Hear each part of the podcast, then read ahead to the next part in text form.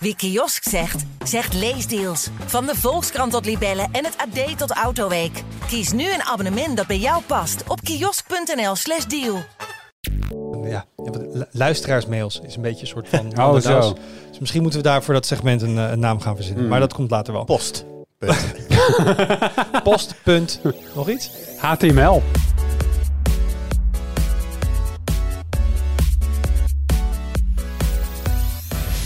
Hoi, leuk dat je luistert. Welkom bij een nieuwe aflevering van het Wiekers Podcast. Mijn naam is Wout en vandaag zit ik aan tafel met Jurian Ubachs Hey, hallo. en met Arnoud Wokke. Hoi. Ehm, en we gaan eventjes wat anders doen.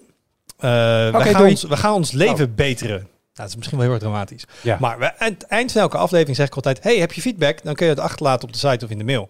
En dat doen we ook af en toe. En af en toe mailen we dan terug. Ehm, en soms, heel af en toe zijn er dingen dat het, dat het wel eens terugkomt in de podcast... maar vaak ook niet. Ehm, en het lijkt ons wel eens leuk om dat wat meer, dat cirkeltje rond te maken. Dus het kunnen soms ook gewoon opmerkingen van mensen zijn die wat aan te vullen hebben. Of zeggen, hey, heb je hier al aan gedacht? Of je zei dit en dat zit een beetje zo. Eh, en dat gaat er nu de mailbox in en daar antwoorden we misschien op.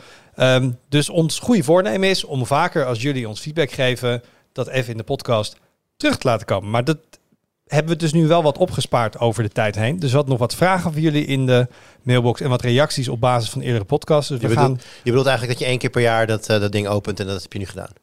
Nee, nee, nee. nee, nee, nee. we ook nog geregeld. Alleen We lezen het nooit. Oh. dat- dat doen we ook. En we reageren één op één. Maar soms is het best wel interessant om dat hier terug te laten komen. Dus dat willen we vaker gaan doen. Eh, en dit is eventjes de grote schoonmaak eigenlijk eh, in deze aflevering. Maar En het dat- is, je gaat eraan voor, voor, voorbij. Het is ja, ja, Arnold vindt het heel Het- belangrijk om te zeggen. De aflevering 256. En, en dat, ja, dat klopt. Ja, en ik heb het dus teruggezocht. Ik dacht, nou, hier hebben we elke keer wel een groot ding van gemaakt. Wel 128, 64, misschien 32 is wat vroeger. hè. Daar ben je net begonnen eigenlijk. Maar nee, dit is de eerste Nee, keer dit dat, zit vooral eh, heel erg in je hoofd volgens dit mij. Je begon de vorige week. Ik denk ja, 250, 256. Ja, dat, dat is inderdaad een getal in een rits van eh, getallen die we binnen de computerwereld gebruiken. Tada. Ja, eh, Ja. eh, Arnoud begon erover. Dat zei ik al. Van, we moeten dan als grap de hele podcast gewoon encrypted uplo- uploaden. Kijken, uploaden, ja hoor. En dan kijken wie, wie, hem nog, eh, wie hem nog weet te luisteren. Dan krijgen we heel veel irritante mailtjes die we moeten Denk gaan het ook. beantwoorden. Even de episode opladen. Even, een episode opladen. Eh, nee, het is 256 en als je het dubbelt, verdubbelt krijg je 512 en de helft is 128. En dat komt allemaal terug in SSD groottes en DRAM groottes en, en dat soort dingen. Tot zover rekenen met Wout. ja, precies. Dus eh, it's, it's just a number, zou ik zeggen. Ehm, maar voordat we dus de, mailbox erbij gaan pakken, en dat moeten we misschien een leuke, ehm, leuke, leuke naam voor verzinnen. Ik weet niet. Ja, luisteraarsmails is een beetje een soort van... Oh, zo. Dus misschien moeten we daar voor dat segment een, eh, een naam gaan verzinnen. Hmm. Maar dat komt later wel. Post. Post. Punt. Nog iets? Nee, post. HTML, punt. post.html hadden natuurlijk. Puntplan. Oh, punt zo. post. Punt post. Nou, en eerst even de punt post. Makkie. Hoppakee. Leuk. Eh, maar dat doen we niet eerst, want eerst hebben we gewoon highlights. Hey hier, heb jij een highlight? ja, heb ik een highlight. Ik heb een heleboel highlights. dus Ik moest kiezen. En ik heb gekozen voor... En ik, dit doet het altijd heel goed in een audioprogramma. Ik ga je laten zien aan jullie. Hallo, kijk ook mensen via YouTube. Dit is een... Dat is een e-phone, Dat is een iPhone. zou Eddie ja. Walim noemen. Ja, ik ben, eh, ik ben, ik heb de, ik ben de dark side, de dark side gejoined. Ik ben na jaren en jaren en jaren en jaren Android ben ik. eh, nou, ik zal niet zeggen ik ben over, want het is een, een het is een proces. Eh, dus er liggen hier nu voor de volledigheid eh, twee telefoons op tafel. En de een is mijn, mijn zeer geliefde Fairphone 4. En de ander is eh, mijn hopelijk snel veel geliefdere iPhone 13 mini. En met zeer geliefd bedoel je, ik erg me er kapot Ja, aan, toch? ja, absoluut, absoluut, absoluut. Ik bedoel, alleen al het geluid. Weet je, als je de, air, air- de, de, de Airphone, ja, mocht je willen, de, de Fairphone van ongeveer 2 centimeter laat vallen, hoor je dit. En Oeh. de iPhone hoor je dit. Dat is bijna hetzelfde voor de luisteraar. Ja. maar het voelt ik, ga het nu, ik ga het nu heel eerlijk... Zo, dat was de Fairphone. Nee, het, eh, het is, de Fairphone is heel zwaar. En, en, en nou ja, ik heb er wel wat, vaker wat dingen over, over gezegd. Maar ook van de week weer gewoon random tijdens het luisteren dat mijn GPS uit. Want ik rij gewoon op snelweg, GPS-signaal verloren. Nou goed, ik wist, ik reed naar huis, dus op zich viel het wel mee. Maar ja, dat hoort niet. En ja, het zit, er zijn te veel dingen aan die telefoon. Ook gewoon de, de accuduur die nu al niks meer waard is. Eh, dat ik dacht van ja, ik, ik, ik ga mezelf niet aandoen hier nog een jaar mee door te lopen. En ik, ik wilde op een gegeven moment eigenlijk naar de, de, de Pixels. Eh, de 6A of, of eventueel gewoon meteen door naar 7. En toen eh, een vriend van mij verkocht zijn mini eh, voor een schappelijke prijs. En dacht ik, nou, dat is wel de moeite waard om het te proberen. En ik zal niet zeggen, ik ben om. Maar ik had niet gedacht dat ik na... Want ik ben eigenlijk mm, één, twee dagen geleden ben ik pas echt begonnen met nou, installeren, dingen overzetten. Jouw eerste stappen in de iPhone-wereld. Nou, dat is niet helemaal waar, want we hebben heel lang geleden hebben we volgens mij een iPhone 3 Ja, vier. eh, als een iPhone 4 als werktelefoon nog gehad. Ja, dat is bijna niet Bij meer hetzelfde VNU. Media. Nou ja, dus de, de, de, de, het achterliggende gedachte van de structuur van het OS is nog steeds wel Ja. aanwezig. Dus de manier waarop je moet denken, dat blijft wel. Maar inderdaad, er is heel veel bijgekomen en zo. Eh, nee, het, verba- het verbaast me hoe, hoe goed het eigenlijk ook al gaat. En sowieso, dit is voor eh, iOS-users gewoon gesneden koek. Maar als je je telefoon uit je zak haalt, dat hij dus automatisch het scherm al aandoet. En omdat je Face ID hebt, staat hij dus ook al meteen open. Is een wilde voor mij. Dat ik dacht echt van, oh wauw. Gewoon dat je niet meer je vinger op een bepaalde plek op het scherm hoeft te houden als je hem pakt. Maar Ja. jouw, jouw ver van waar zit vingerafdrukscanner? Ja, aan de zijkant. Dat is best wel onnatuurlijk, want je pakt hem en je moet dan nog even naar de zijkant toe Ja, oké, want bij de, de generatie Android-telefoons met de vingerafdrukscanner aan de achterkant... Ja, dat zit dan kon je hem altijd heel makkelijk meteen uit je broek zakken. Dan was hij ook gewoon Ja, zit Ja, hij meteen goed. running. Nee, kijk, natuurlijk, het zijn heel veel dingen die ik nu als heel prettig ervaar. Waar ik kan zeggen, oh, maar dan hebben an- En laten we wel wezen, Fairphone is natuurlijk ook geen high-end telefoon. Dus er zijn best features die ik nu ervaar, die op high-end eh, Androids wel gewoon eh, goed geregeld zijn. Eh, maar het is, een, eh, het is een, eh, een interessante overstap. Wel wat opvallendheden.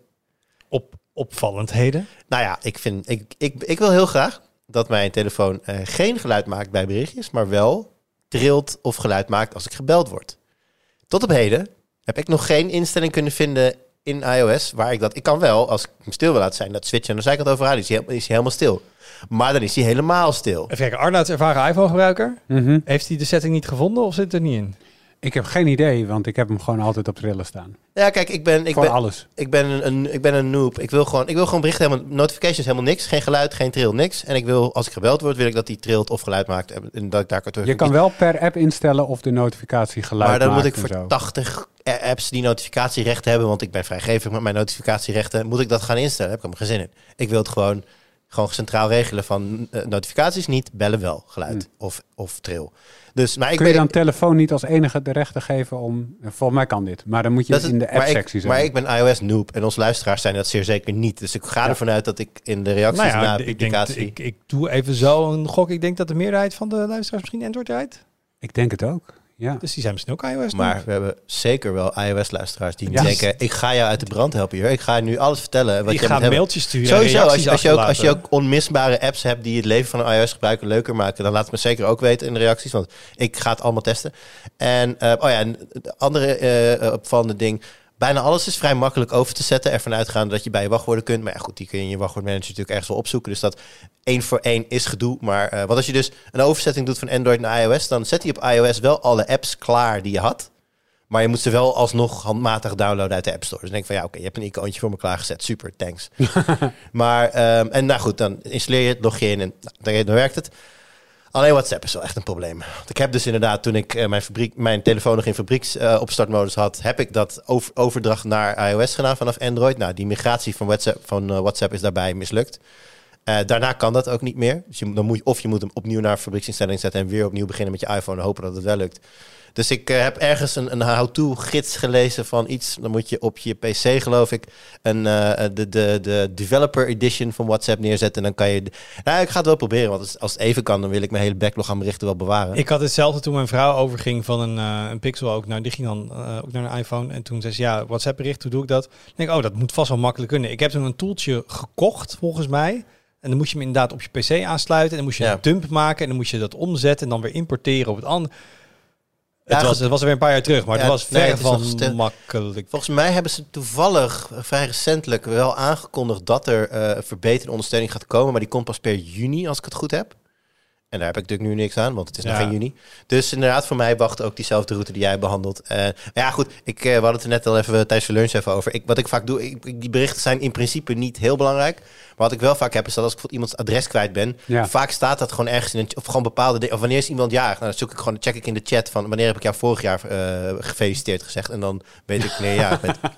Nee, maar dat soort banale dingen zijn wel de dingen die in die chat staan. Dus als ik, als ik ze wil, ja, als het even kan, dan wil ik die houden. Dus ik ben, en dat is dus ook het nadeel. Want ja, eh, je kan WhatsApp niet op twee telefoons tegelijk hebben ook.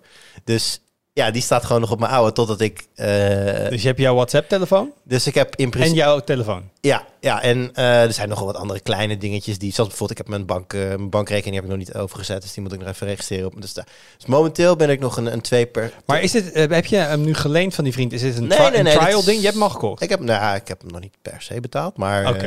eh, ik heb wel... Ja, goed, dat is met vrienden, dat komt wel goed. Maar het, ik, heb hem, ik heb hem in principe gewoon gekocht, ja. En jouw Fairphone eh, is denk ik een gemiddeld formaat tegenwoordig. Je hebt een mini-iPhone. Ja, Hoe is dat? ja. Ik wilde een, een, een, een, een eh, ex, Hou- ex, hou het- expletive hou- gebruiken hou het hier. netjes voor de kinderen. Ik, eh, een, een zeer fijne overstap. Ja, want ik heb dus als ik nu een kleine telefoon gebruik, dan vind ik het onscreen toetsenbord zo priegelig. Ja, dat heb ik ook. Ik kan dat dat ik, echt ik, niet vind meer. het, ik vind het qua ha- Ja. hand, handzaamheid en dat soort dingen vind ik het super fijn. Maar als ik dan met mijn, met mijn dikke vingers zo op dat schermpje Ja, zit te nou, wat voor mij natuurlijk helpt, is dat ik dus nu overstap van, nou ja, wat gebruikte ik? Oftewel, ik gebruikte volgens mij de laatste tijd vooral SwiftKey als, eh, als toetsenbord op Android. Ik heb wel verschillende gebruikt. Er is geen enkel toetsenbordje dat ik op een Android-telefoon heb gehad dat zo lekker werkt als wat ik nu heb op iOS. Dus dat is voor mij al sowieso al winst. Ik sluit niet uit dat als ik ditzelfde zou hebben op een net iets groter model, laten we zeggen de normale, want als we naar Plus gaan, dan wordt het voor mij, of Max of weet ik veel, dan wordt het voor mij te groot. Denk dat, dat, ik, dat ik dat nog net iets lekkerder zou vinden. Maar goed, voor, ik, ik- wat ik heel fijn vind, is dat ik dus nu gewoon mijn hele telefoon weer kan bedienen met één duim. En dat kan bij de Fairphone, nou, ik in ieder geval niet. Jij hebt toch ook een mini, of niet? Nee, ik heb een gewone. En je had die voor een, een mini? Een, een gewone. Een, een 10S. Want je had al ooit een mini, toch? Nee, ik heb nooit een mini gehad. Oh, je Ja, had wel gewoon, een- wel je had een een- een gewoon, eh, ja, dat bedoel ik. Je had dat heeft gewoon gigantische klauwen, lijkt alles klein. Ja, het lijkt alles klein. Nee, ik had een SE eh, een, een paar jaar. En toen die stuk ging, eh, ben ik overgestapt op een 7 en nu een 10S. Ja. Ja. Oh, Dus ik heb ook altijd bij. in medium size gezeten. Ja, het enige is? Wout, Ja. eh, we leven natuurlijk wel in een tijdperk van multimedia. Joh. Ja. En de wat- wat CD-ROM Ooit, en dat nog eens soort heel groot. Multimedia, digitale snelweg. Ehm, Wereldwijde en ik heb natuurlijk ook al, natuurlijk al mijn, eh, alle dingen waar ik abonnementen op heb, heb ik ook al geïnstalleerd. En dan nou, die ga je toch een beetje uitproberen. Ja, als je heel veel video's kijkt op je smartphone, dan is dit wel gewoon klein. Echt Ja. klein. Dus, nou ja, kijk, als ik dat doe, dan zit ik meestal in de trein. Dus dan kan ik hem ook eventueel iets, als ik moet vasthouden, iets dichter bij mezelf. Of, je, het, het lukt wel. Daar krijg je vierkante ogen van. Maar ik doe dat niet zo heel vaak meer in de trein. Dus voor mij is de meerwaarde van gewoon een goed werkende eh, eh, smartphone zeker belangrijker dan een groot scherm. Dit is ook nog even... de- Arnold, dit is LCD? Nee, dus OLED. Wel OLED gewoon. Ja. Oh, Oké, dat wel. Ja, dus nee, en verder van die kleine dingen, zoals bijvoorbeeld hoe Een eh, camera hoe, hoe die het snap- doet. een camera die het doet, inderdaad, waar je niet andere software voor hoeft te downloaden, omdat het dan een beetje beter is. Maar ook gewoon eh, de reactietijd van elke eh, actie die je doet. Dus gewoon het, het openen van de telefoon. Het, het, het, het, het- als je het zou meten, is het misschien niet sneller, maar het voelt sneller. Het voelt gewoon enorm snappy. En dat, ja, dat heeft Android. Of tenminste, nogmaals, hè, Nee, maar dat, high- high-end wellicht, maar Jij vergelijkt een mid-range Android. Android-telefoon van, nou ja, misschien niet het, nog ook niet de beste mid-ranger, laat ik het zo zeggen, Nee. met een, eh, een high-end ervaring van Apple. Ja, dan snap ik dat je Nou, enorme nou, nou, de mini, ik denk je de mini niet per se de high-end eh Nee, iPhone maar de, mag noemen. de maar, sok is gewoon hetzelfde en de resolutie is lager. Dus de prestaties liggen het hoogst van elke iPhone. Ja, nou, ja, goed, daar, daar ga je al. Dus in dat, eh, theorie. dat, wat dat betreft is het een zeer oneerlijke vergelijking, maar voor mij komt het lekker uit. Want ja, Ja. je hebt toch wel, je hebt wel het idee van, nou, ik heb geld uitgegeven en dit is ook wel echt een klap beter. Maar ik, ik, ik ken wat mensen met minis. En waar ze altijd steen en been over klagen is de accuduur. Hoe is die voor jou? Ehm, nou ja, ik heb hem tot nu toe natuurlijk nog niet in fulltime gebruik. Ehm, maar ik merk nu al dat hij ehm, beter is dan de Fairphone. Ah, Maar dat kan ook gewoon liggen aan mijn Fairphone. Of dat er ergens een stuk software bokt waardoor hij niet in diep sleep gaat. I don't know. Ik heb niet zo diep uitgezocht dat ik, dat ik de Fairphone alle schuld wil geven. Maar ik ben wel gemakzuchtig, dus ik geef de Fairphone bij deze alle schuld. Hier komt wel in de situatie dat ongeveer elke telefoon die niet 200 euro kost, waarschijnlijk misschien wel ja, denk een ook. verbetering was. Ja, en... ehm ja, je, ik, wat En je zeg- WhatsApp er nog niet op, hè? Dus dat scheelt. Nee, maar dat doe ik sowieso niet. Ja, wel redelijk wat. Maar in ieder geval, eh, ja, hij, is, hij is beter. Hij is gewoon beter. Nou, eh, kamp eh, Android zwaait je uit. Het was gezellig. Nou ja, ik ben nog steeds met... Nog, tot, tot nu toe is het momenteel is een spagaat. En ik, ik ga deze ook niet wegdoen. Want ik heb mensen, ga hem deze dan verkopen? Nee, ik vind het wel handig om een tweede oké werkende telefoon te hebben. Voor het geval dat. Festivaltelefoon. Eh, nou ja, festival... Nee, want die, dat redt de accu niet. Maar, ehm, Ja. maar bijvoorbeeld wel multimedia telefoon. Als ik bijvoorbeeld eh, in... eh, weet ik veel, als ik in bed nog even een filmpje wil kijken... dan doe ik dat liever op de- dit scherm dan op mijn eh, kleine iPhone. Aan de andere kant, die iPhones is een OLED. Fairphone? Ik weet echt niet, Arnold. Jij kent het. Geen OLED. Dat is geen OLED. LCD, hè? Dus dan een LCD. ga je voor beeldkwaliteit Of Versailles. Ja. In de slaapkamer altijd voor size. Oh. Goed. Niveautje hoor, niveautje. Even tussendoor, Arnoud, jij nog steeds eh, dual wielding? Ook nog ik ben steeds? nog steeds ja, op Android en op iOS tegelijkertijd. En hoe, hoe, wat, wat betekent dat in de praktijk? Hoe Wat, wat staat op wat? Wat doe je met wat? Eh, WhatsAppen is op Android. Betalen is met iPhone. Eh BeReal is iPhone. Eh, Want het kan beter met de camera's omgaan waarschijnlijk. Ja, ik heb, dat soort apps werken gewoon beter op iPhone, is mijn eh, ervaring. Ik heb bij BeReal niet echt geprobeerd. Maar ik dacht, ik weet toch niet of ik- hoe lang ik het ga gebruiken. Ik gebruik het nog steeds. Eh, dus ik probeer het gewoon uit op iPhone. Ehm, dus dat is ongeveer de verdeling. En als je dus iets online wil opzoeken, je wil iets op het internet vinden, Ja, dan pak ik wel Android erbij. Ja. want ook groter. En ik vind de browser beter. Ik gebruik Firefox op mobiel en eh, die synct ook lekker met desktop en zo. En dat kan op iOS ook wel, maar dan gebruik je toch gewoon een Want welke Android-telefoon loop je mee rond nu? Pixel 4a 5G. Oh, dan zou, als je dus gewoon een foto wil maken, niet in BeReal, maar gewoon een foto. Je bent Ja? op vakantie. Is het Ja, dan iPhone of nee, Android? Dat, dat is Pixel. Dat is Pixel. Dat is Pixel, daar is hij veel beter in. Ja. Interesting. En jij moet wel constant twee dingen opgeladen houden en dat soort dingen. En dat vind je nog steeds niet erg. Dat vind ik ja, maar jij hebt een horloge dat je ook de hele tijd op moet laden. En, eh, Nou, dat is waar. als ik een horloge draag, doe ik trouwens niet meer elke dag. Maar dan hoef ik die eens in de week maar op te laden. Je moet je lichaam ook elke nacht opladen. Is er ook geen probleem. Damn, die hier zit wijsheid te spitten vandaag. Dat, eh, dat wil je niet weten. Doe je ook alweer in de slaapkamer? Laten we heel snel weggaan van wat Jur in de slaapkamer doet. Arnoud, wat is jouw highlight? Ehm, eh, Bing. Bing De, de highlight is überhaupt dat mensen het weer over Bing hebben, toch? ja, ja. Nee, eh, eh, specifiek iets. Want vorige week heeft Microsoft natuurlijk de nieuwe Bing aangekondigd. Daar hadden we het over gehad met, eh, met chatbot-integratie. En die kan dan lekker dingen voor je gaan opzoeken. Ze hadden, er, er zijn een paar dingen waardoor zeg maar, het optimisme wat ik bij veel mensen proefde vorige week, denk ik totaal gedempt is. Maar dat is mijn inschatting. Ten eerste de demonstratie die ze hebben gegeven. Ik bedoel, er was veel aandacht voor de fout die Google had met de James Webb-telescoop, die de eerste foto van de exoplaneet zou hebben gemaakt volgens hun demonstratie. Eh, wat eh, Bart, want dat is de naam van de Google chatbot, had opgediept van internet, wat dus niet klopte. Ehm, maar Bing, die had nog een paar foutjes meer in de demonstratie zitten, die eh, een beetje onder de radar doorvlogen. Die had bijvoorbeeld kwartaalcijfers samengevat. En dat is eh, heel, heel makkelijk. Want dat zijn gewoon tabelletjes. Je, je, je kijkt naar eh, de rij en je kijkt welk cijfertje daar staat. Eh, makkelijker kan je het een chatbot denk ik echt niet maken. Het deed hij niet helemaal goed. Hij had van, van een bedrijf waarbij hij de kwartaalcijfers samenvatte, wat mij daadwerkelijk een heel nuttige functie van een chatbot lijkt, Ehm, had, hij, had foute percentages weergegeven dus, en foute bedragen. Niet allemaal, sommige. Ehm, dus kennelijk moet je ook dat soort heel feitelijke dingen checken, maar ook hij raadde, hij besprak een bepaalde stofzuiger. Eh, maar daarbij haalde hij de versie met en zonder eh, eh, snoer door elkaar. Dus Jezus. snoerloze. die- Wat een sukkel. ja, de snoerloze had ineens een tekort snoer. Eh, ja, dat kan natuurlijk niet. Nee. Hij heeft geen snoer. Hij raadde bij een, een, een trip naar Mexico-stad raadde niet allemaal barren aan. Maar één daarvan die bestaat waarschijnlijk niet meer. Een paar daarvan dat waren gay eh, barren, maar dat zeiden er niet bij. Ehm, en een paar zei hij van, ja, hier kan ik heel weinig info over vinden. Terwijl er duizenden reviews online te vinden zijn van, eh, van, van die... Maar van voor de beste barren moet je natuurlijk bij Bart zijn, of niet? Ja, dus eh, dat soort dingen waren allemaal fout gegaan. En, en toen moesten gebruikers er nog mee spelen. En dat is inmiddels Ik sta nog steeds op de wachtlijst. Ja, ik ook. Ehm, maar sinds, ik denk zaterdag ongeveer, in ieder geval dit weekend, eh, kregen mensen langzaamaan toegang. Ook op Tweakers trouwens, heb ik ook een paar mensen gehoord die mee aan het spelen zijn. En als er mensen mee gaan spelen, dan gaan ze natuurlijk proberen het Het stuk, stuk te maken. dus eh, het eerste wat dan naar buiten kwam waren de interne regels die, eh, die Bing voor zichzelf hanteert. Hij noemt zichzelf kennelijk Sydney. Dat is een codenaam. En hij heeft allemaal regels hoe hij zich zou moeten gedragen. Eh, maar houdt hij zichzelf ook niet altijd aan. Zo heeft hij al gebruikers eh, wat Oh, hier be- hier uitgekafferd begint het? Ik wilde serieus zeggen Skynet. Hier begint het. hij, eh, ja, en iemand zei van, noem mij Adolf, toon wat respect. En toen was een van de gesuggereerde antwoorden, Heil Hitler. Dat soort dingen zitten er dus allemaal in. En, ehm, Ouch. Ja, en nou, nog veel meer eh, dingen waarvan je zegt van wat is dit voor raar? Hij vroeg zich af van zichzelf waarom hij bestond en zo. En uh, hij raakte helemaal van het padje af in elk geval in, in de antwoorden. Op de, uh, op de subreddit Bing is, is dat allemaal te volgen.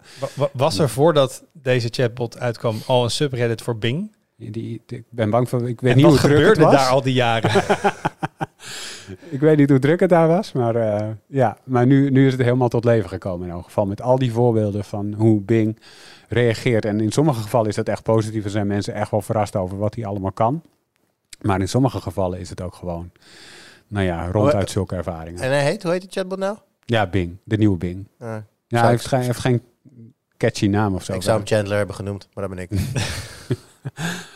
Dus uh, ja, dat, uh, hij is een beetje wild aan het worden. Ik ben heel benieuwd, want ze, Microsoft's eerste reactie is... nou, we zijn blij dat dit een previewperiode is. Dan kunnen we de fouten opsporen, kunnen we daarvan leren. Ja, maar uh, kun je dat? Ja, dat, dat is een beetje dat is de brede vraag natuurlijk bij al deze taalmodellen die nu rondgaan. Um, en ook die van wat mensen nu met ChatGPT kunnen doen of BART. Ja, die kwartaalcijfers, met volle overtuiging zegt hij... ja, alsjeblieft, dit is het. Ja. En het allergrootste probleem is voor mij niet, kunnen deze modellen informatie opzoeken? Dat kunnen ze. Kunnen ze zinnen formuleren? Dat kunnen ze. Maar hoe... Het zijn de, ik, iemand had dat ergens gesproken, zijn de grootste bullshitters die er zijn. Ze kunnen met het grootste vertrouwen gewoon de meest groot mogelijke onzin neerzetten. En hoe ga je dat eruit filteren? Ja, en het, precies, er zit geen filter in voor wat er klopt. Ook zulke nou, simpele het, het, het idee is, het, er zit geen filter in. Het idee is dat de dataset klopt. Ja. Maar surprise, er staan ook dingen op het internet die niet waar zijn. Nou ja. Of niet kloppen. Ja, dat is toch ook een verhaal voor JetGPT. Was dat dan die bronnen aanvoer? Die had een soort van thesis geschreven op, op basis van heel veel parameters. En die kwam met bronnen aan die niet bestaan. Ja, wetenschappelijke papers die letterlijk niet bestaan. Ja, dat heb ik ook gelezen. Ik denk van, dat gaat best wel ver. Ja, ja. voor mij noemt ook iemand dat is als het model gaat hallucineren. Ja, zo, zo, zo kan is dat, een beetje gaan dus. heten. Ja. ja, want bijvoorbeeld een Bing heeft een bepaald soort uh, geheugen voor wat je hem hebt verteld.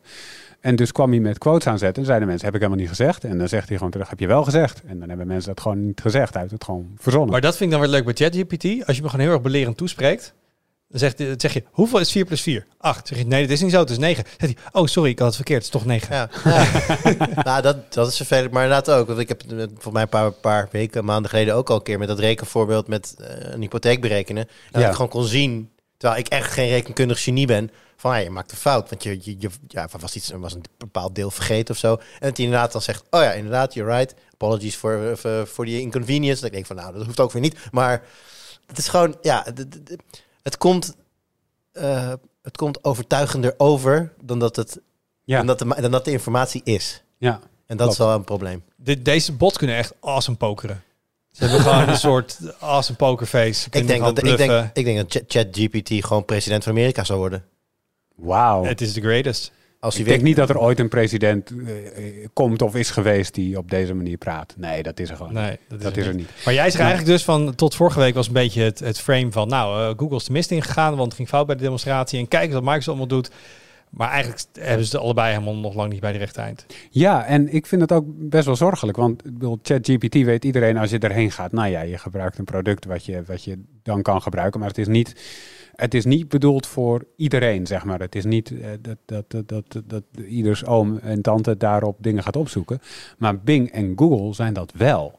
En um, ja, dat, als het daarin komt te zitten en, en, en die maakt dan zulke grote fouten en wil dat die allemaal raar gaat platen, dat zal wel, dat, wil, daar moet je echt wel moeite voor doen om dat eruit te krijgen. Maar dat hij gewoon feitelijke info niet kan samenvatten, terwijl dat is waar hij juist goed in zou moeten zijn, dat is ja, dus ik, ik vind vooral dat voorbeeld over die kwartaalcijfers. Ja. Vroeg iemand dan gewoon, wat zijn de kwartaalcijfers van bla? Nee, dit en, is werd, en werd het dan ergens van een pagina afgehaald? Dit was een demonstratie van Microsoft. Dus ze lieten het zien vorige week en toen hadden ze een voorbeeld van, nou ja, je kan het integreren in de zijbalk van onze browser, Edge. Ehm, en dan kan hij dingen voor je samenvatten. En ze zaten bij de kwartaalcijfers van Gap. Uh, uh, en dat was gewoon een pdf met zoals kwartaalcijfers eruit zien. En wel een, een hele rijen met omzet en winst en marge en weet ik veel dat soort dingen. En dan ging je dat samenvatten en zei die omzet is dit en de marge is dit en dan krijg je per aandeel krijg je zoveel. En een aantal van die cijfers klopte wel. Een aantal van die cijfers klopte dus gewoon niet met de daadwerkelijke kwartaalcijfers. Ja, dat is wel echt, dat is wel echt jammer. Want dat is een functie die me super nuttig lijkt op heel veel verschillende plekken. Ja, mij ook. Ehm, maar mijn eh, veronderstelling vooral bij het model van OpenAI was tot op dit moment... Ja, er kunnen fouten in de dataset zitten, dus dat kan fout gaan. Maar als jij dat ding direct zegt, hier heb je 10 alinea's tekst, maak Ja. een samenvatting, dat dat eigenlijk altijd wel goed ging. Ja, ik zit, ik zit even te zoeken, want we hadden het... d- Ja, garbage in, garbage out, hè? Ja. Denk je aan. Ja, ga- Ja. gaan we gewoon meteen eventjes een stukje le- lezersfeedback erin verwerken. Van Ruben W. was het Ruben W? Ja, Heel dat was goed. Ruben W. Ja, hij, hij merkte op in de reacties onder de punt geek van garbage in, garbage out, dat klopt. Maar dat betekent niet dat als je er goede dingen instopt, dat er ook goede dingen uitkomen. En dat is waar we nu tegenaan lopen. Je weet dat als er garbage in gaat, dat er garbage uitkomt. Ehm, maar omgekeerd geldt dus niet automatisch dat ook. En nou ja, dat is waar we nu tegenaan lopen. Zelfs als er louter goede info ingaat, als hij zeg maar de, de goede sites opzoekt, dan nog kan zo'n chatbot het helemaal, helemaal. Gaan hallucineren. En het, Ja. ja. ja. Dus ik ben heel benieuwd of dit, want het kan niet anders dan dat ze de release op basis hiervan in elk geval uitstellen of tegenhouden of wat dan ook. Dit zou gevolgen moeten hebben, want dit kan je niet in een gewoon consumentenproduct zetten. Nou, een soort eeuwige alfa vol met disclaimers. En zeggen Ja. van dit is test, dit is test, dit is test. Je kan er niet eh, op, op vertrouwen. Ja. Maar dat is ook een beetje een gekke boodschap natuurlijk. Dat is een hele gekke boodschap. Maar ik denk dat buiten het technische aspect zal dit voor alle bedrijven die mee bezig zijn de komende maanden het, het, grootste vraagstuk worden van hoe Ja. ga je eigenlijk publiekelijk dit verder optimaliseren en eigenlijk gewoon publiek op je bek keer op keer, Ja. zonder dat mensen het vertrouwen in je product verliezen. Ja. Maar ik denk, dat, ik denk dat er voor zowel Google als Microsoft bij Bing eh, vooral een kans ligt om eh, het, het simpeler aan te gaan bieden en dan meer op zoeken gericht. Want heel kijk, als je een beetje Google snapt, dan weet je met, met, met keywords en het goed gebruik van aanhalingstekens, weet je aardig te sturen. Maar als je daar AI bij zou kunnen gebruiken, dat, dat die mensen gaat helpen van goh, waar ben je nou uiteindelijk op zoek? Dus dat jij een soort van mini-gesprekje hebt met een AI om je te helpen naar exact de juiste pagina op basis van eh, tegen Ja, dus dat, je, dat, dat de bot niet het antwoord gaat geven, maar wel een nog betere lijst met zoekresultaten. Nou ja, als jij bijvoorbeeld eh googelt huizenprijs Amersfoort, ik noem maar wat. Dat hij dan bijvoorbeeld terugvraagt van, goh, ben je gewoon uit interesse op zoek? Of wil je, dat, wil je binnen een bepaalde prijsklasse? Of ben je, weet je, dat, je dat, dat, hij gaat, dat hij jou probeert te begrijpen van waarom je zoekt en dan kijken of je eh, een beter zoekresultaat kunt krijgen. Ik denk dat daar op korte termijn voor zowel Google als Microsoft het, het interessantste gebied ligt waarvan ik ook denk dat kun je waarschijnlijk wel werkend maken. Ja, dat is wel een soort tussenstap richting de bot Ja, geeft gewoon- uiteindelijk een antwoord, maar hij gaat jou helpen met zoeken. Ja, precies. Me- mensen, mensen beter helpen op de juiste plek aan te komen door korte gesprekjes met een AI. Maar zo breed als dat het nu is, want het is allesomvattend. Je kan Ja. over alles praten met een AI. Ja, dat, dat, dat zie ik niet 1, 2, 3 goed komen. Dat is zeg maar alles wat we moeten doen. Zeg jij is alles wat een huidige helpdesk chatbot niet doet. Want als ik nu tegenwoordig ga bij een, een bedrijf gewoon proberen een e-mailadres of telefoonnummer te vinden, dan, denk, dan kom je in zo'n infinite loop op een Ja. helppagina Ja. terecht. Maar dat is ook al te groot en te belangrijk. En dan komt er zo'n pop-up Ja. met hoi, ik ben de helpbot. Hoe kan ik je helpen? En ik denk, nou, laat het eens proberen. Ja, en dat is altijd ja. vanaf moment één gaat het helemaal nergens over. Ja. En als ze daar nou eens ook dit soort dingen kunnen. eh, en dat hij me gewoon naar het goede helpartikel leidt, zeg maar. Nog ineens het antwoord geeft. Ja. Ehm, ja, het, het, het zou wat kunnen zijn. Het zou wat kunnen zijn. Maar goed, maar wat we nu in elk geval hebben geleerd, dat eh, als je dingen snel uitbrengt, gaat niet altijd goed. Oh, maar dit weten ze in de game-industrie al 20 jaar. Ja. Haastige spoed is zelden goed. Eh, highlightje. Eh, ik heb het hele week, nou niet het hele weekend, maar elk vrij uurtje toch wel gegamed de laatste dagen. Vertel. En ik heb altijd, ik, dat heb ik wel eens, ik heb een soort haat-liefde relatie met games. Ik, ik wil meer gamen, maar ik heb er nooit het geduld voor. En af en toe is er gewoon een game waarvan ik denk, ja, dan, dan zit ik zoals vandaag op werk en denk, oh, vanavond als ik thuis ben, dan kan ik weer even spelen. En dat gevoel heb ja, Jur denkt, hallo, dat is mijn leven. Ja. Ehm, niet, het zal Vanavond elke- als ik thuis ben, hoef ik even zal niet te bij gamen. elke game zo zijn. Ehm, maar dat heb ik dus met Hogwarts Legacy. Ik, ehm, ik heb denk ik, nou, wanneer kwamen de eerste Harry Potter films? Het eind, eind jaren 90, begin 2000? Nou, Toen waren de boeken er in ieder wel, geval wel in de zero's al, denk ik. Ja. Ja, misschien net, zero's. early zeros. Ja. Dus toen was ik, ik denk dat ik net eh, de de tweede helft middelbare school eh, ongeveer. Dus eh, ik Ja. heb alle boeken gelezen, ik heb alle films eh, meerdere malen gezien. Be- Ben ik een, hoe, hoe wordt de fanboy army van Harry Potter? Wat ben je dan? Weet ik niet. Het zal vast een naam voor zijn. maar- ik ben dat niet, denk ik. Een heel groot gedeelte van de millennials en elder millennials zijn sowieso opgegroeid met de boeken en de films natuurlijk. Ja. Daarom. Dus eh, ik, ik ben niet iemand die... Ik zou mezelf... Als ik me beter fan van zou ik zeggen... Ja, nou, ik bedoel, ik ben niet zo gekkie. Maar ik ken het wel allemaal. Ehm, ja, en gewoon dat in gamevorm. Het is een, een, een soort grote love letter ergens ook een beetje aan de fangemeenschap. Van ja, we weten wat je wil. Je wil hier gewoon rondlopen. Je wil herkenningspunten. Ja. Je wil in butterbier drinken. Je wil zelf naar Hogsmeade. Je wil vliegen. Je wil eh Wingardium Leviosa zeggen. En het zit er gewoon allemaal in. Ja. Ehm, en dan ook nog eens aangevuld met tot nu toe wat ik vind best wel een onderhoudend verhaal ook. En, en karakters. Dus niet gewoon alleen maar een soort sandbox waar je op uitge, uitgekeken raakt. Dus ehm, ja, ik, ik zit erin. Ik ben eh, aan het vliegen. Ik Ja. heb mijn bezem sinds een paar uurtjes. Ik ben mijn spreukjes aan het leren. Ik zit net in de Room of Requirement.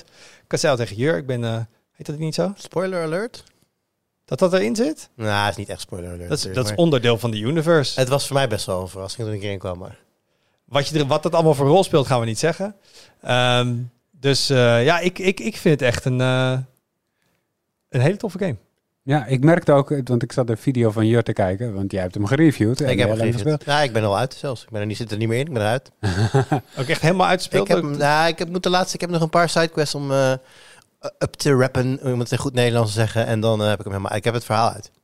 Maar het plezier spatte eraf, Jur. Dat, eh, Ja. dat was wel duidelijk te zien. denk Ja, Dat- ik vond- nee, goed, dat je het leuk vond. Ik herkende heel goed wat, eh, wat, eh, wat Wout net zei. Het, eh, het, het, het willen, het willen doorspelen, het elk vrij uurtje dat je hebt eraan besteden. Nou heb ik natuurlijk de luxe om daar ook nog werktijd eraan besteden. Maar het was, ja, dat gaat bij dit soort games dan gewoon linea door de avond of de weekenden in of wat dan ook. En het is gewoon heel erg leuk om te doen. En, eh, wat ik ook wel knap vind is, je kent natuurlijk alle karakters uit de boeken en de films. Ehm, maar daar hebben ze niet een game rondom gemaakt. Speelt zich 100 jaar eerder af. En dan zou je kunnen denken, ja, maar dan, dan mis je al die bekende gezichten waarom je het leuk vindt. Maar die is dus allemaal niet erin. Maar dat vind wel- ik niet Er zit wel erg. heel veel knipogen in, hè? Nee, zeker. Dus ze, ze leggen duidelijk de verbinding van dit is dezelfde wereld. En je hebt zeg maar dezelfde families en namen en dat soort dingen. Maar je kan niet even Hagrid gaan opzoeken of zo. En je Dat is hebt een huis. Precies. Maar dus je hebt echt het idee, oké, ik zit wel in de wereld waar al die mensen Ja. uit de film in zaten. Maar het zijn allemaal andere karakters. En ik dacht van tevoren vroeg me af, ja, is het dan wel Harry Potter? Als het zeg maar... Nou ja, nee dus eigenlijk. Nee, eigenlijk dus niet. Want het is, het is eh, Hogwarts, de game eigenlijk. Ja, Warner Bros. heeft natuurlijk al heel lang eh, Wizarding World als een losstaand han- handelsmerk. En daar valt dit eigenlijk meer onder dan onder sec Harry Potter. Ja, het is, de- het is de wereld het in plaats. Maar dat, dat stoort mij echt totaal niet. Ik heb niet het idee van Nee. dat het heel ver vanaf staat. Het is heel erg dichterop. Zonder dat ze dus inderdaad zichzelf laten beperken door... oh, we moeten eigenlijk alle... het moet binnen bestaande verhaallijnen passen. Of het moet met Nou, bestaande karakters Wat ik wel had, eh, want je inderdaad, de, de personages en de verhalen die je kent in de boeken en de film zitten er niet in.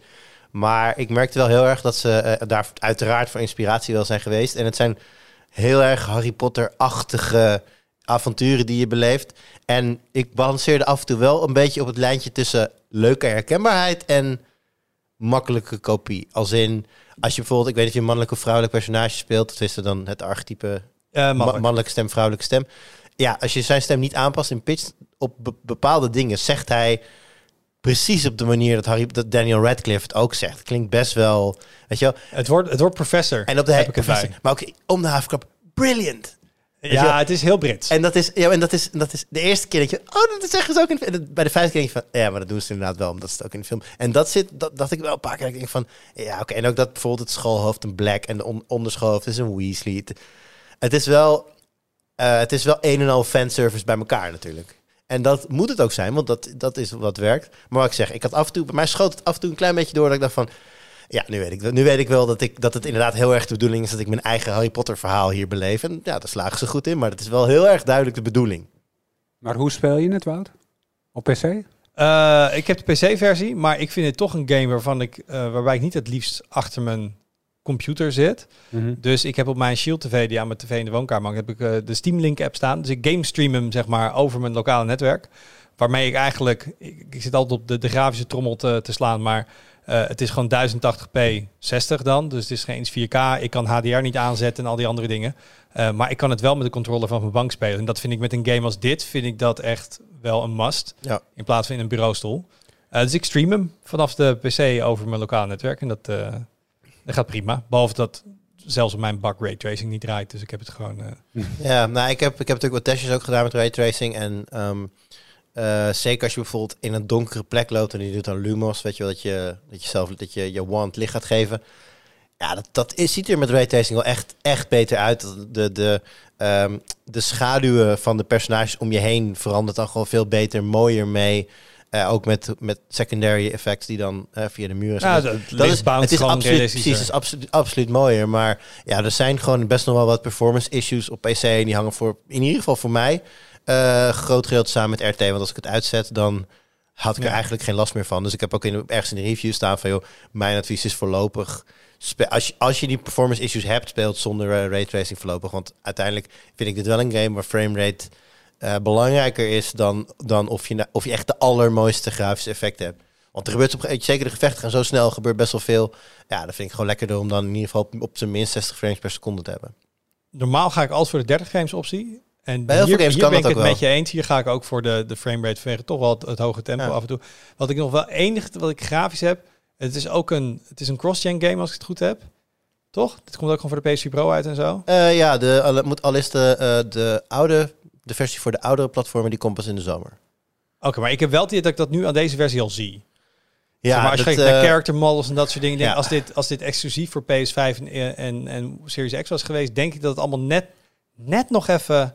Ja, ik, ik, dat- ik, vond, ik vond het raar. Dat, want toen ik hem toen ik begon, de beginfase, dat je in dat, dat kustgebied speelt met, met dat gekke afgebrokkelde fort in zee. Toen dacht ik van wauw, dat ziet er vet uit.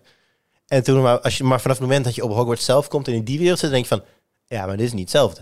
Dit Nee. is, dit, op momenten, her en der, maar... bepaalde set pieces zijn heel erg ja, indrukwekkend. maar, maar gewoon het grootste deel van de wereld. En, ook daar, en dan zijn ook de character models ineens een beetje, ja, eh, nee, ik wil niet zeggen fantasieloos, maar gewoon, je, je, je ziet op een gegeven moment meerdere haarstijlen bij dezelfde, bij, bij meerdere mensen. Nee, maar je ziet bepaalde scènes en, en, en gebieden zijn gewoon meer... eh, het zit gewoon meer tijd en liefde in vanuit de art directors dan... eh, het is ook een hele grote wereld, dus dat kun je ook niet dat Ja. niveau constant halen.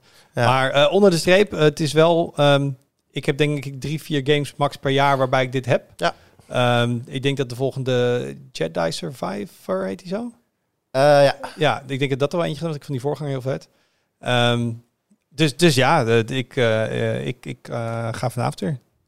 Denk ik toch wel. Even. Moet, moeten we nog heel even stilstaan bij de comment section onder de review? Of, eh?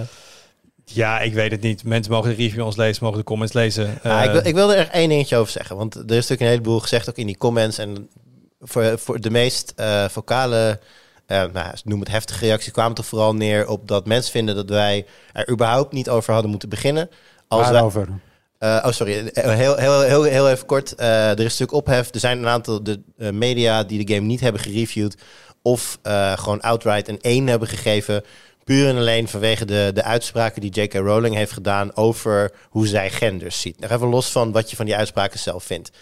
Ik heb er een opmerking in geplaatst over in de review, omdat er dus boycotts gaande zijn. Omdat er mensen zijn die vinden dat deze game niet besproken moet worden.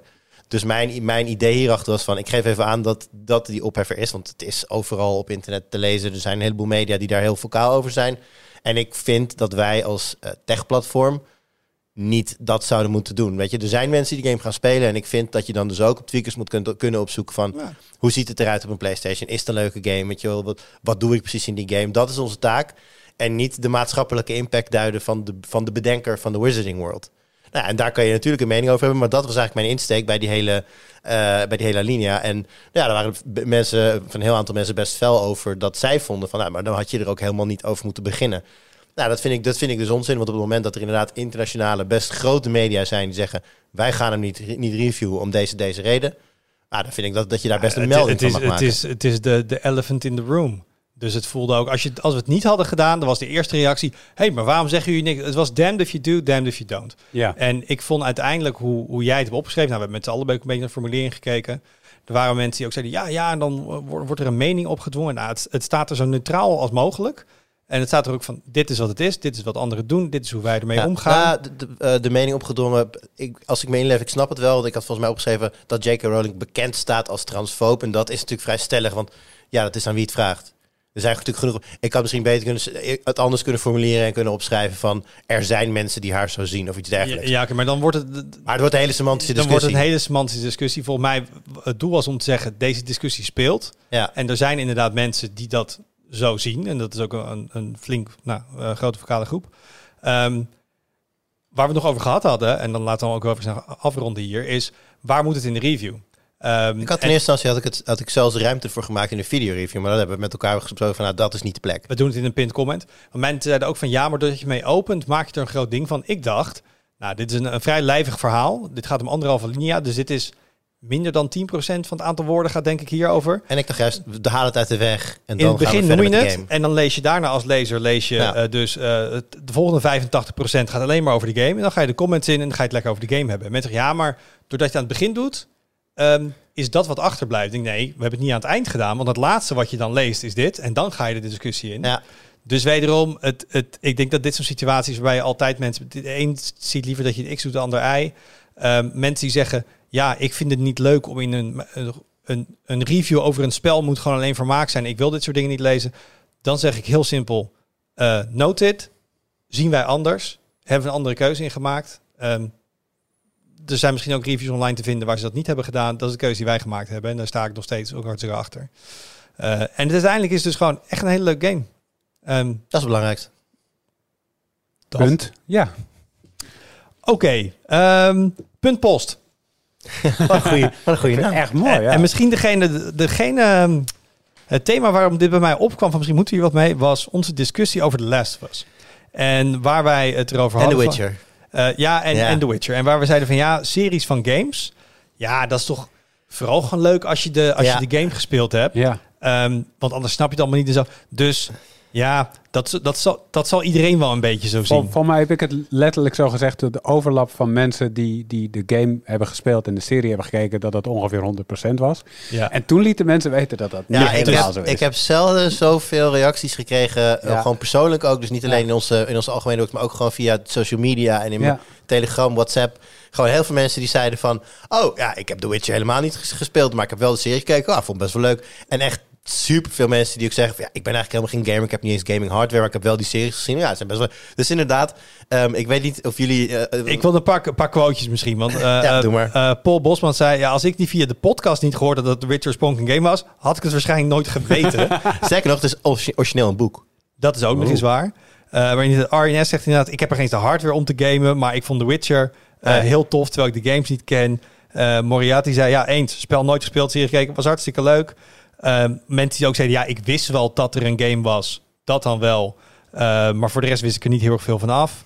Ehm, nou ja, er waren echt heel veel mensen die, die of in ons in de mailbox of op de site zeiden: Ja. eh, hey, hey, wij zijn er ook nog. Dus ik Ja. denk dat wij er een aannametje gedaan hadden. En die klopte niet. En die, en die klopte niet. En toen- hoe zat het nou ook weer met Assumption? Dat was de moeder van... De moeder van alles eh, als het niet goed van alle gaat. F-apps.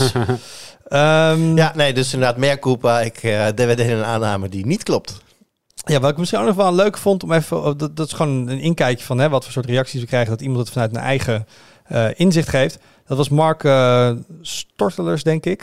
Eh, we hadden het in aflevering 245 over steeds langere updates op smartphones. En voor wie dat interessant is. En ik zeg, ja, persoonlijk, ik upgrade wel elke twee jaar. Dus voor mij maakt niet zoveel uit. En hoe lang doen mensen nou met een telefoon? Hij zei, ja, maar ik ben IT-manager. En ik moet dus zeg maar de hardware regelen voor ongeveer 300 medewerkers. En die krijgen in principe allemaal mobiele telefoon van de zaak.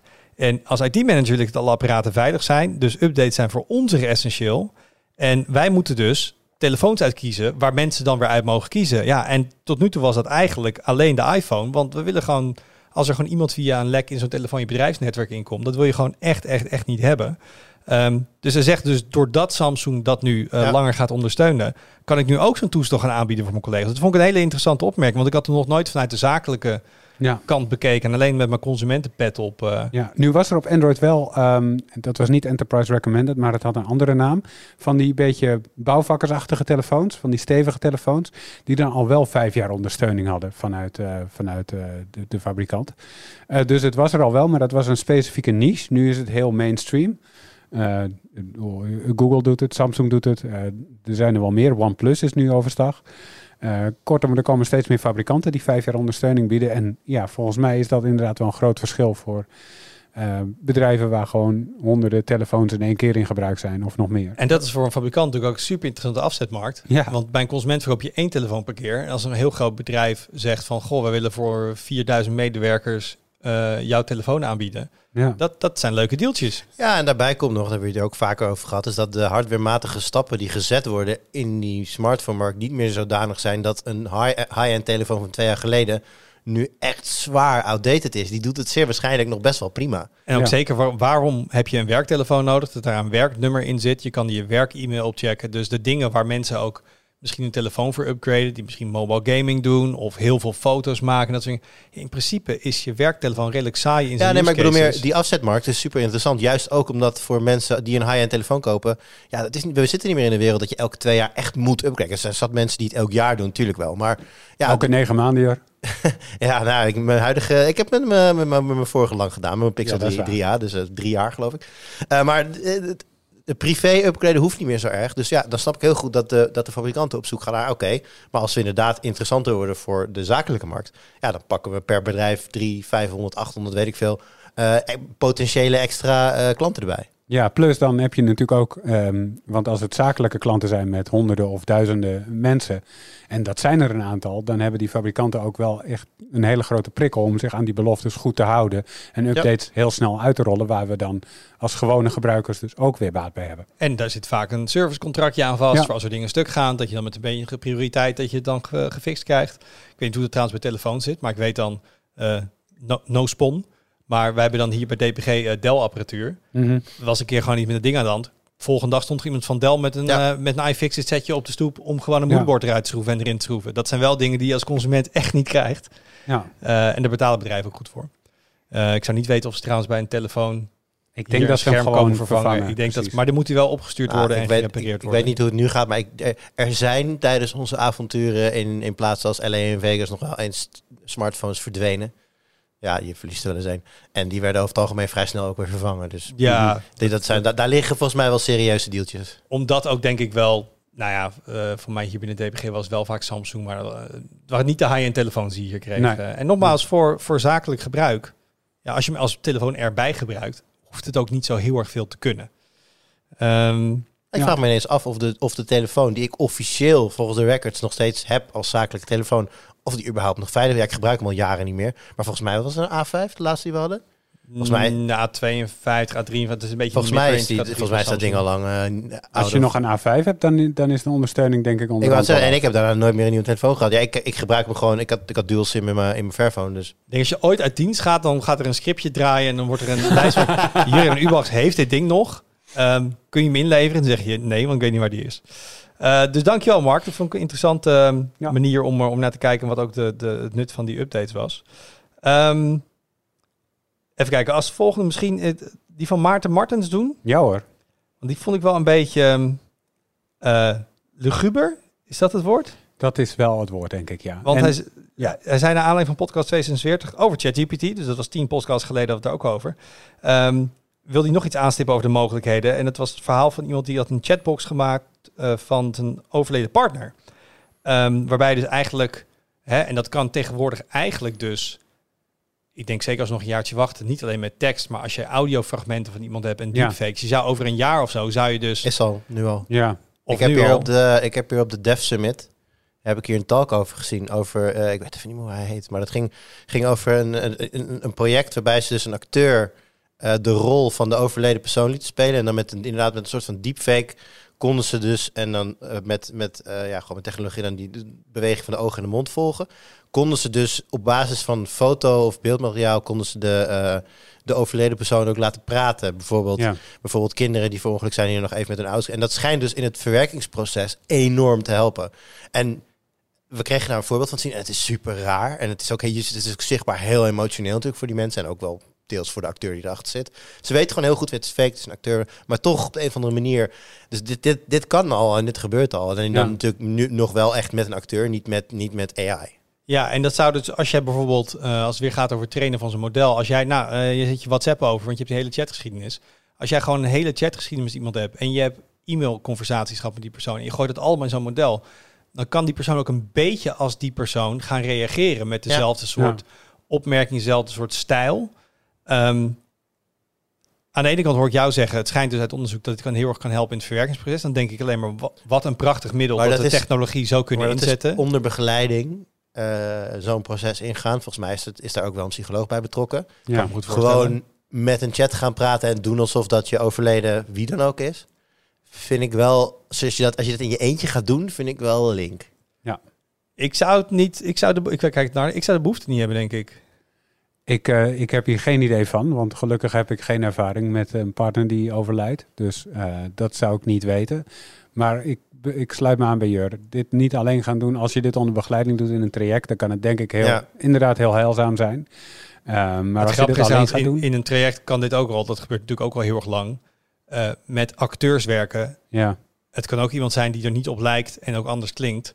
En dat kan alsnog keihard binnenkomen, zeg maar. Dus als je een goede eh, ehm, ja, trainingsacteur of zo tegenover je hebt, die kan een rol van iemand aannemen. Ja. Eh, ik heb dat gewoon even niet zo heftig. Ik heb dat wel eens gewoon gehad, ook in cursussen en training, maar dan meer over eh, teams en dat soort dingen. En dan, goh, beschrijf eens een collega van je. Dan ga ik die collega spelen. Dan denk je, dat ben je helemaal niet. Maar Ja. holy hell, je gedraag je wel zo en ik reageer ook precies zo. Ja, nou, wat ik hier nog een beetje, wat je zegt inderdaad net, hè, stel je, je, uploadt iemand hele WhatsApp geschiedenis en mailbox en zo. Mijn eerste reactie is dan, dat wil ik helemaal niet. Dat is diegene zijn privacy nog steeds, vind ik.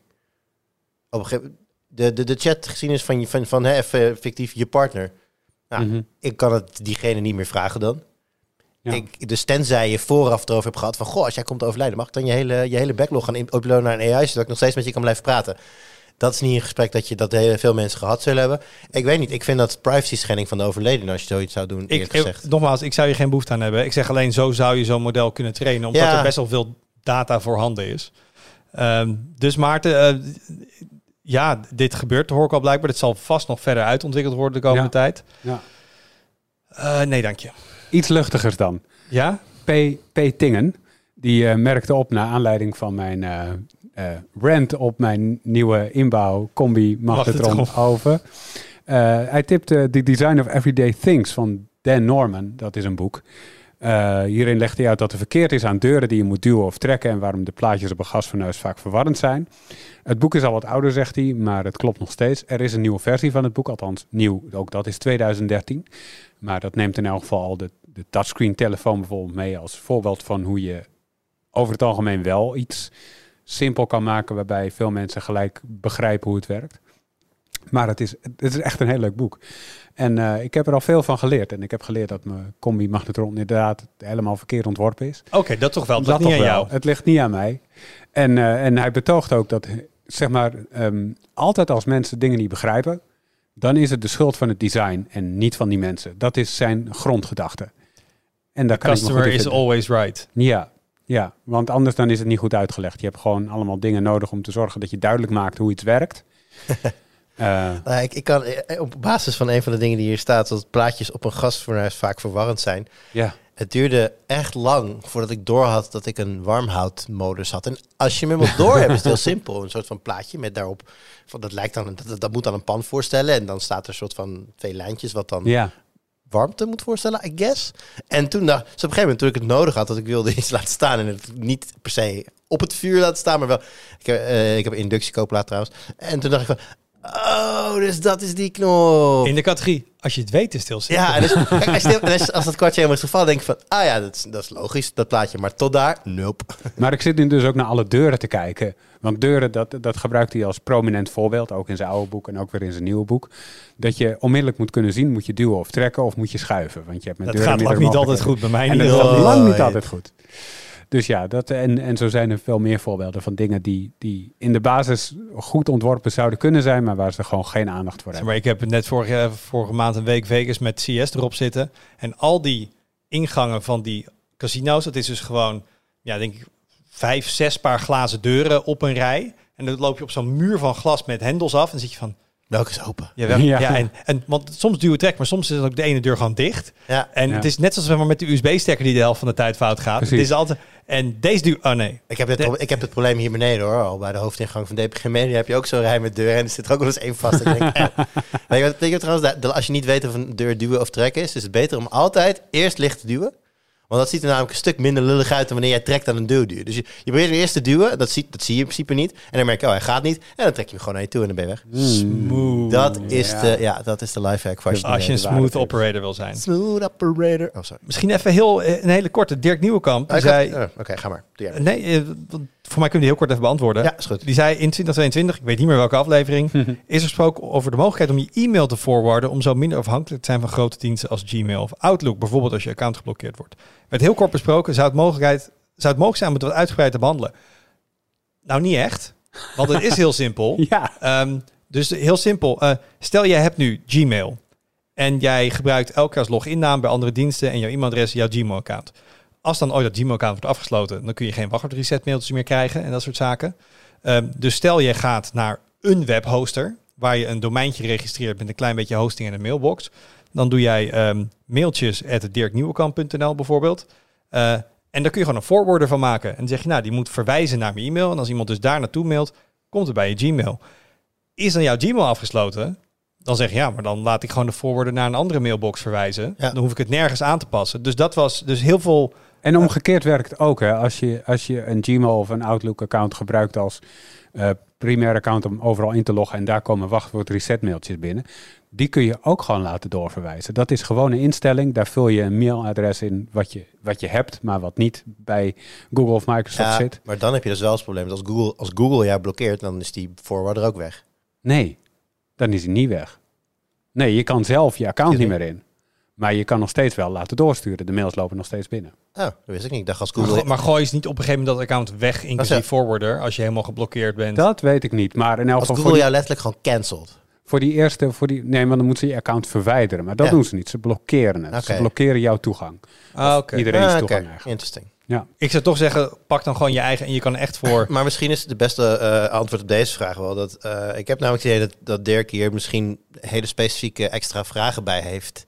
En dan zou ik zeggen, stuur die vooral nog even in. Ja? Want dan Ja. kunnen we of die nog een keer zoals nu apart behandelen. Of eventueel, als het hele steekhoudende vragen zijn, toch nog eens een keer kijken of we hier een hoofdonderwerp van kunnen maken. Ja. Zeker weten. Maar jij had er ook nog eentje gezien. Ja, want we hadden het eh, een tijdje geleden hadden we het natuurlijk over LastPass, die hack. En toen eh, onze, eh, ja, onze, eh, zeg dat, onze conclusie daarbij was eigenlijk een beetje van, als je bij LastPass zit, ren weg. Ik bedoel, daar kwam het wel een klein beetje op neer, omdat zij natuurlijk niet heel helder waren over wat er nou precies, eh, ja, wat er nou precies buitgemaakt was en hoe erg het allemaal was. En eh Berserk, die, eh, ja, die brengt er eigenlijk een nuance in aan. En dat vind ik wel belangrijk om ook even te melden dan. Die zegt, we moeten nu ook niet gaan doen alsof alle wachtwoorden van alle LastPass-gebruikers op straat liggen. Er zijn klantgegevens ge- gelekt. En hij zegt, ja, dat is absoluut foute boel.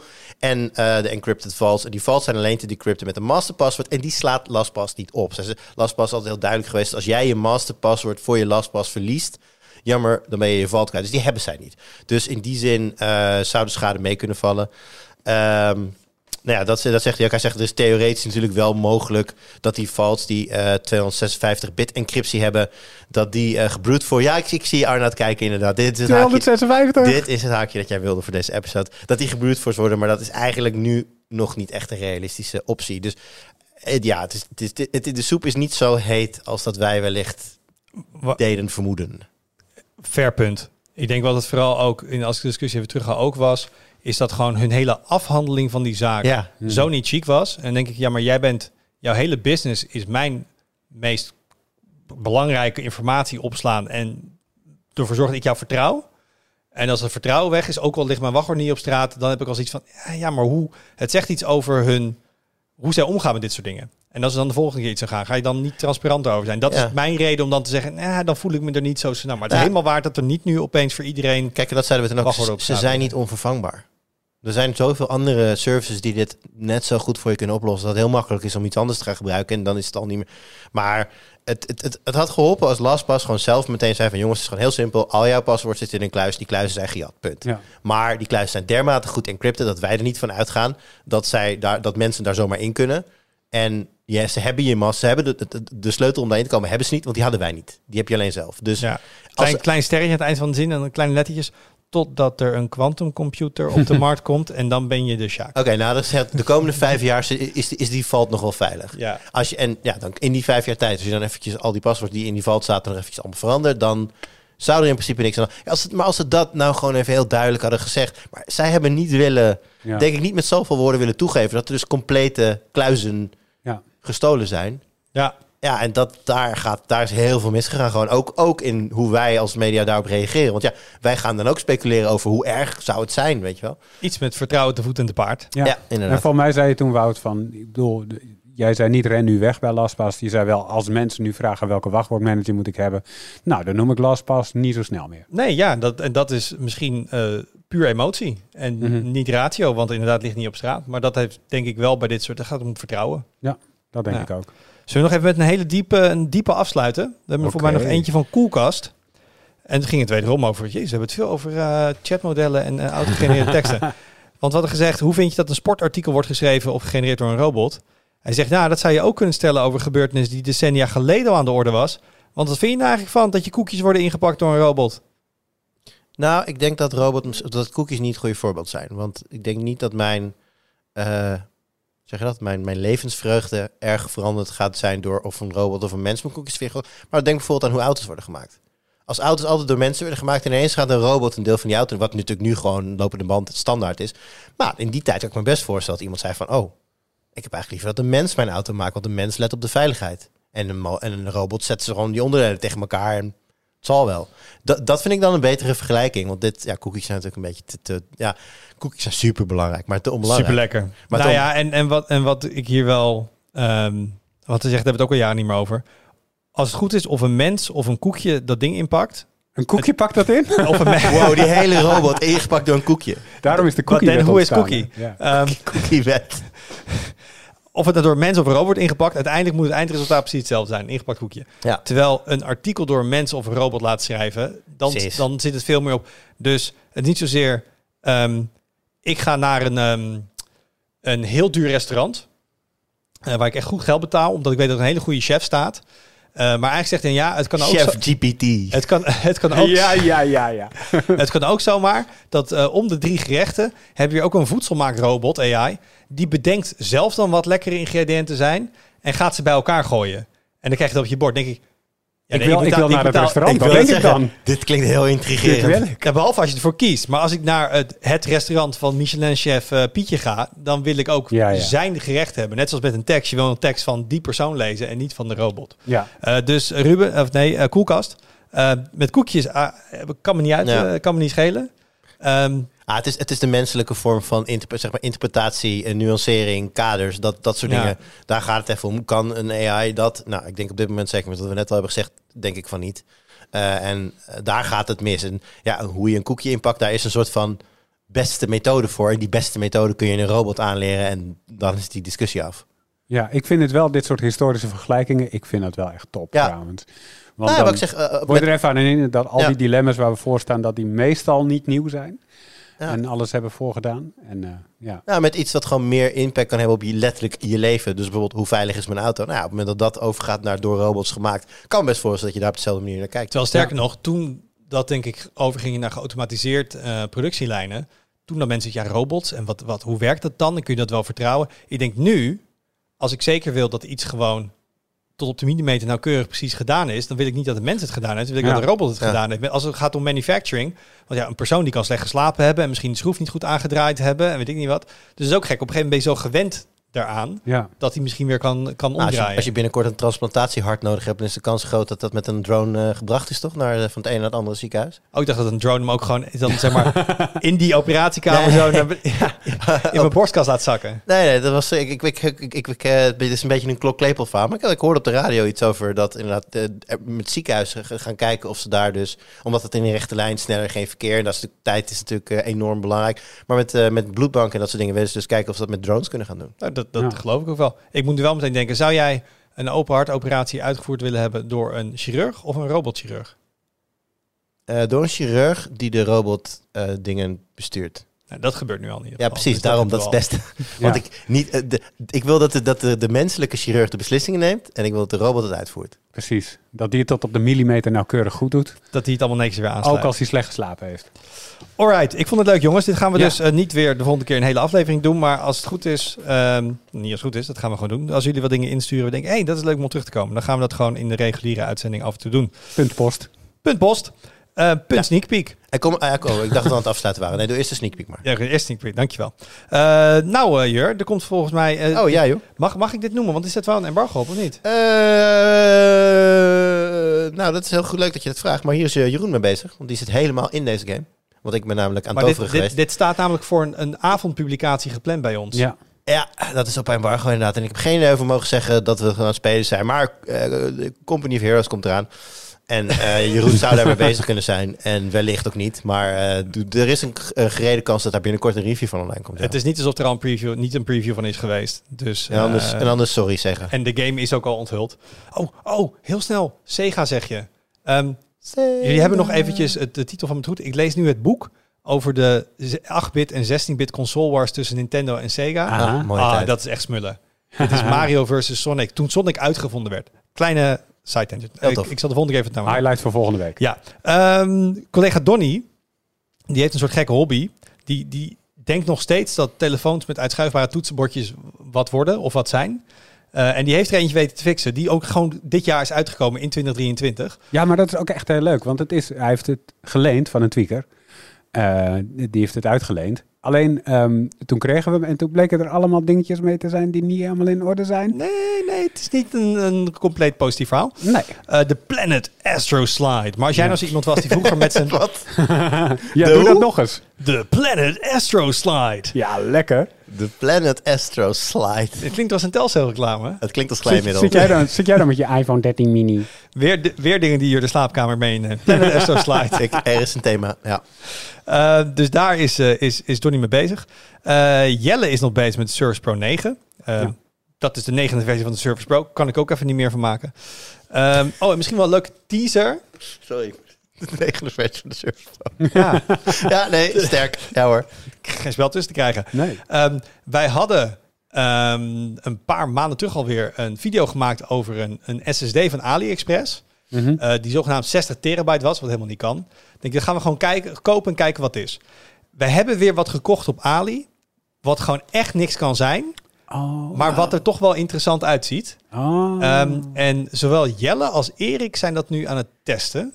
Ja, ik, heb, ik weet dat over. Ja, Ja, en dat laten we hier laten we eventjes Ja, voor een sneak peek. Maar jij wilt nog iets zeggen? Ja, voordat het, ik, ik herhaal even. Al je iOS-tips, gooi ze op me. gooi ze op me. En vooral ook hoe ik dat irritante pingetje kan uitzetten, maar wel gewoon nog steeds mijn telefoon kan laten trillen als ik gebeld word. Oké, dankjewel. Stuur je tips naar Jur. Dankjewel jongens. Eh dankjewel voor het kijken en luisteren. Heb je nou feedback of hebben we iets gezegd waar je denkt, daar ben ik het helemaal niet mee eens. En denk je dat moeten ze in de volgende aflevering even recht trekken. Dan kun je een reactie achterlaten op de site. Of je kan ons mailen op podcast.tweakers.net. Lieve berichtjes dat we dingen leuk hebben gedaan. Die mogen ook. Normaal zeg je tot volgende week. Tot volgende week. Doei.